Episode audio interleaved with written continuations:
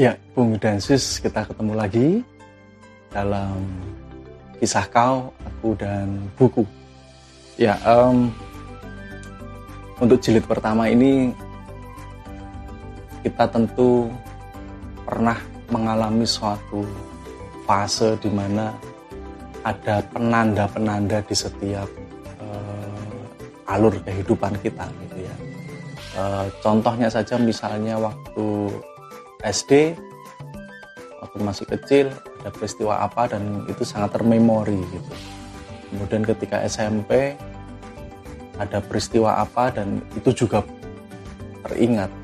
SMA atau mungkin ketika mulai masuk ke masa kuliah dan kemudian ketika berkeluarga, pacaran dan seterusnya gitu kan.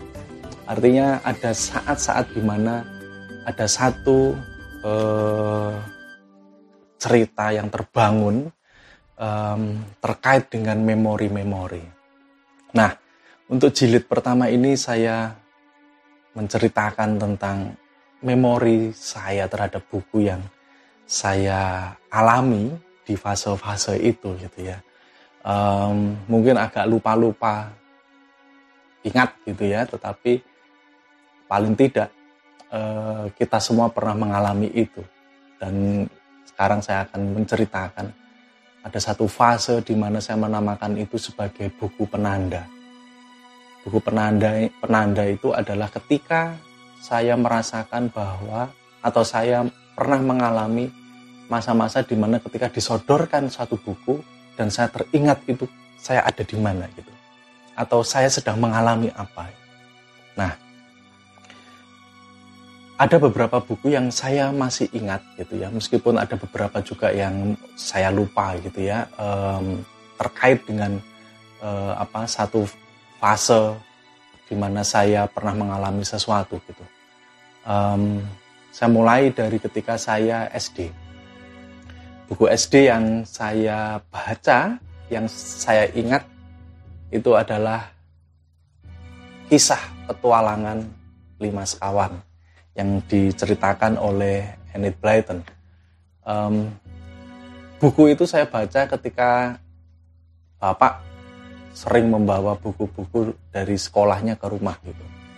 Dan saat itu setiap kali bapak membawa buku lima sekawan, maka eh, biasanya kakak dan adik itu mulai uh, berebutan gitu untuk membaca buku itu.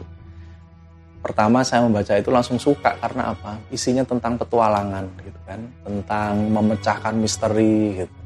Dan itu terbawa sampai ketika uh, apa masa-masa ketika bermain dengan teman-teman di desa, di sekolah, itu seakan-akan saya ingin menjadi salah satu tokoh di lima sekawan itu. Uh, lima sekawan itu sebenarnya empat itu um, apa ya katakanlah berwujud manusia gitu kan. Ada Julian ada George um, siapa lagi ya? Ada Dick. Satu lagi cewek uh, saya agak lupa namanya. Uh, Anne mungkin ya. Uh, dan satu itu adalah sosok anjing yang sahabat setianya si George gitu ya. Namanya Timmy. Nah ketika saya masih kecil saya membayangkan bahwa saya ingin menjadi, menjadi salah satu seperti mereka dengan karakter mereka yang berbeda-beda. Tetapi yang saya selalu ingat itu adalah uh, setting yang uh, diceritakan dalam buku itu. Jadi bagaimana berhadapan dengan rawa, saya saat itu berpikiran rawa itu apa ya? Sampai ketika masa akan kuliah, ketika apa mau UMPTN, ikut UMPTN ujian masuk perguruan tinggi negeri. Uh, saya dulu sempat mendaftar ke ITS meskipun gagal.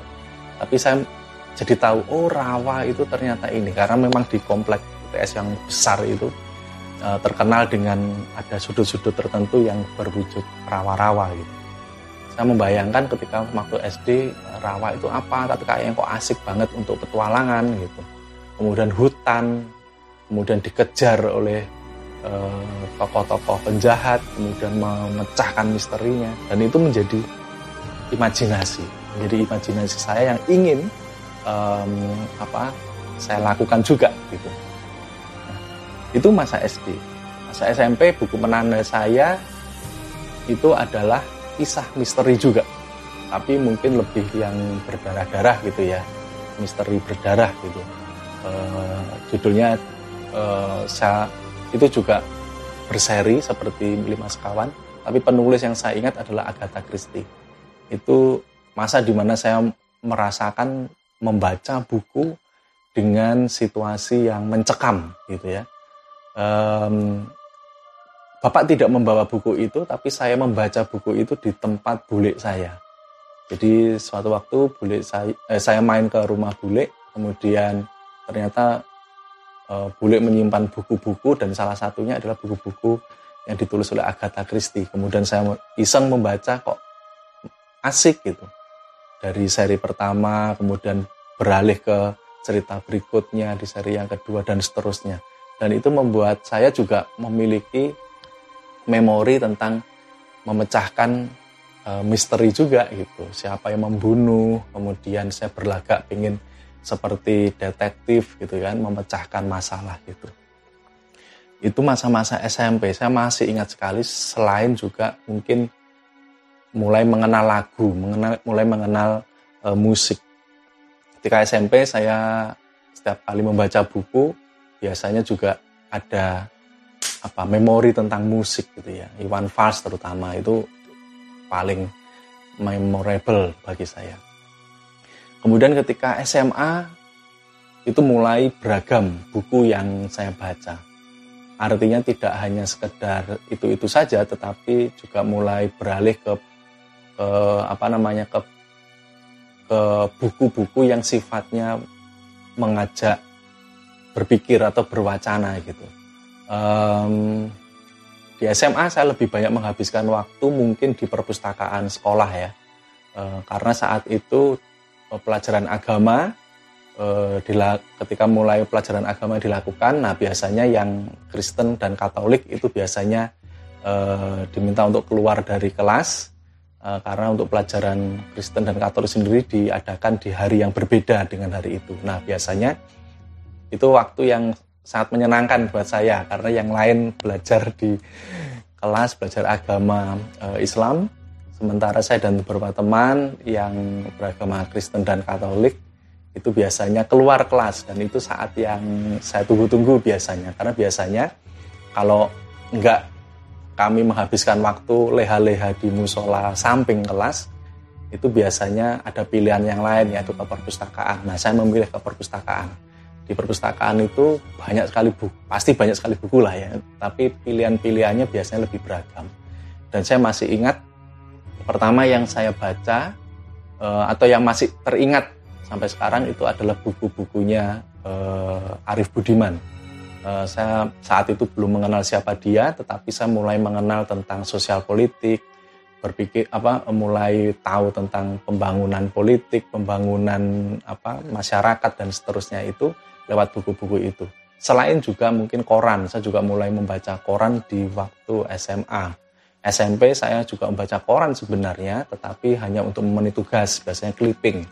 Jadi biasanya ada pelajaran olahraga, kemudian diminta untuk bikin clipping dan pelajaran olahraga itu paling sering berinteraksi dengan koran. Nah di SMA saya banyak membaca e, lebih beragam karena itu saya untuk SMA saya tidak banyak buku yang nyantel artinya karena ini belum selesai saya sudah membaca yang lain kemudian nanti pada minggu berikutnya pada e, waktu saya keluar lagi saya membaca yang lain jadi e, tidak terekam dengan baik tetapi tentang penulis Arif Budiman saya membaca meskipun ya tidak selesai hanya ya se seingat apa ya artinya pada waktu yang sangat terbatas itu. Nah, artinya ketika saya mau menceritakan ini dengan fase-fase kehidupan saya, um, Bapak memang me, memang me, apa namanya orang tua kami memang mengajarkan untuk setia membaca gitu ya. Meskipun buku itu sendiri sebenarnya jarang ditemui di rumah gitu. Jadi ya sepanjang bapak membawa buku itu saja kami membaca. Dulu bapak juga me, apa, berlangganan e, Joyoboyo, majalah Joyoboyo, majalah berbahasa Jawa. Itu pun juga saya juga juga apa membaca juga. Itulah kenapa di majalah Joyoboyo justru saya berkenalan dengan Liverpool, berkenalan dengan uh, klub yang sangat legendaris gitu ya dan klub yang sangat sangat terkenal gitu. Uh, saya juga tahu tentang Liverpool awalnya adalah tragedi Hazel itu. Saya tahunya justru dari majalah Joyoboyo yang berbahasa Jawa gitu. Dan itu sangat teringat sampai sampai kemudian saya memutuskan untuk setia mendukung Liverpool gitu kan. Um, ketika kuliah itu masa interaksi dengan buku sangat banyak sekali, terutama buku karena saya dari seni rupa saat itu kuliah di desain, uh, otomatis buku-buku yang saya baca adalah buku-buku yang berkaitan dengan seni rupa dan desain. Banyak pilihan juga karena kuliah di Jogja sehingga akses untuk membaca juga sangat banyak entah itu di perpustakaan kampus, kampus sendiri, entah perpustakaan kampus orang lain gitu, entah di perpustakaan daerah, entah itu di toko buku juga. Nah, hal yang menarik kalau kita berbicara tentang buku penanda itu adalah ketika saya mengalami satu peristiwa yang mungkin memalukan gitu karena saya diusir dari suatu toko buku besar gitu ya di Jogja. Karena saya saya selama kuliah saya tidak mampu untuk membeli buku jadi biasanya saya meminjam dari perpustakaan. Kalau misalnya ada waktu saya ke toko buku, itu pun tidak membeli, tetapi merekam teks-teksnya sambil saya catat. Tapi saat itu mungkin naas bagi saya gitu ya. Hari yang naas itu karena ketika saya mencatat buku-buku itu, saya ketahuan oleh satpam. Dan saat itu toko buku besar itu masih pongah gitu ya, masih sok-sokan gitu. Jadi saya diminta untuk keluar dari toko buku itu karena dianggap membaca dalam bentuk mencatat uh, itu gitu. Padahal ah, itu buku sangat berguna karena saat itu uh, saya sedang mengerjakan tugas gitu kalau nggak salah. Nah, kalau nggak salah ingat. Nah, itu peristiwa yang paling paling mengesankan buat saya karena pertama kalinya saya diusir oleh satpam toko buku dan mungkin orang lain melihat saya dikira mencuri buku itu. Tapi ter, uh, tapi sebenarnya ya itu tadi uh, apa mencatat gitu. Jadi mencatat dan konangan gitu ketahuan gitu. Ya udah keluar. Dan sejak itulah kemudian apa ya uh, buku yang saya baca uh, itu memang sangat beragam Artinya saya mulai mengenal tentang tidak hanya di seni rupa desain, tapi juga mulai mengenal tentang uh, sastra. Saya masih ingat sekali masa kuliah yang saya baca pertama kali adalah buku-buku Khalil Gibran. Itu buku-buku yang saat itu sangat hits gitu ya, dan semua orang mendadak sangat puitis gitu. Saya masih ingat sekali masa-masa itu. Kemudian mulai mengenal buku-buku yang yang dilarang oleh pemerintah juga termasuk buku-bukunya Pram saya mengenal waktu kuliah meskipun lewat fotokopian gitu, dan membaca secara diam-diam di sudut kamar kos itu serasanya sangat sangat takut sekali bahkan hanya bahkan hanya buku gitu. Tapi bagi saya rasanya was-was sekali untuk membaca itu. Selain juga buku-buku yang lain. Nah ketika saya mulai bekerja eh, tepatnya magang gitu ya magang di sebuah penerbitan koran di Surabaya yang besar. Uh, saya magang di situ sekaligus meneruskan pengen pengen uh, apa namanya uh, kerja inilah sambilan uh, kuliah gitu. Dan buku yang saya beli pertama kali dari hasil kerja saya dan saya sangat ingat sekali adalah buku yang berjudul uh, Positioning: The Battle of Your Mind. Ini yang menulis Al Ries dan Jack Trott ini buku sebenarnya buku referensi buku pegangan gitu. Buku pegangan eh, kuliah gitu ya manajemen pemasaran tapi juga desain juga mempelajari terutama desain komunikasi visual mempelajari tentang positioning. Um, saat itu saya masih belum jadi pengajar. Uh, saya membaca saja buku ini gitu. Terus yang menjadi saya eh, yang berkesan buat saya tentang buku ini adalah karena buku inilah kemudian saya belajar menulis, terutama menulis resensi. Karena dari buku ini kemudian karena saya sambil bekerja uh, di apa di penerbitan koran itu saya belajar menulis itu seperti apa dari redaktur koran itu saya diajari nulis tentang resensi dan si Tuhan sampai sekarang pun saya menyempatkan diri untuk selalu bikin resensi karena bagi saya bikin resensi itu e, seperti kita ingin memberitahukan ke orang lain tentang apa yang saya baca.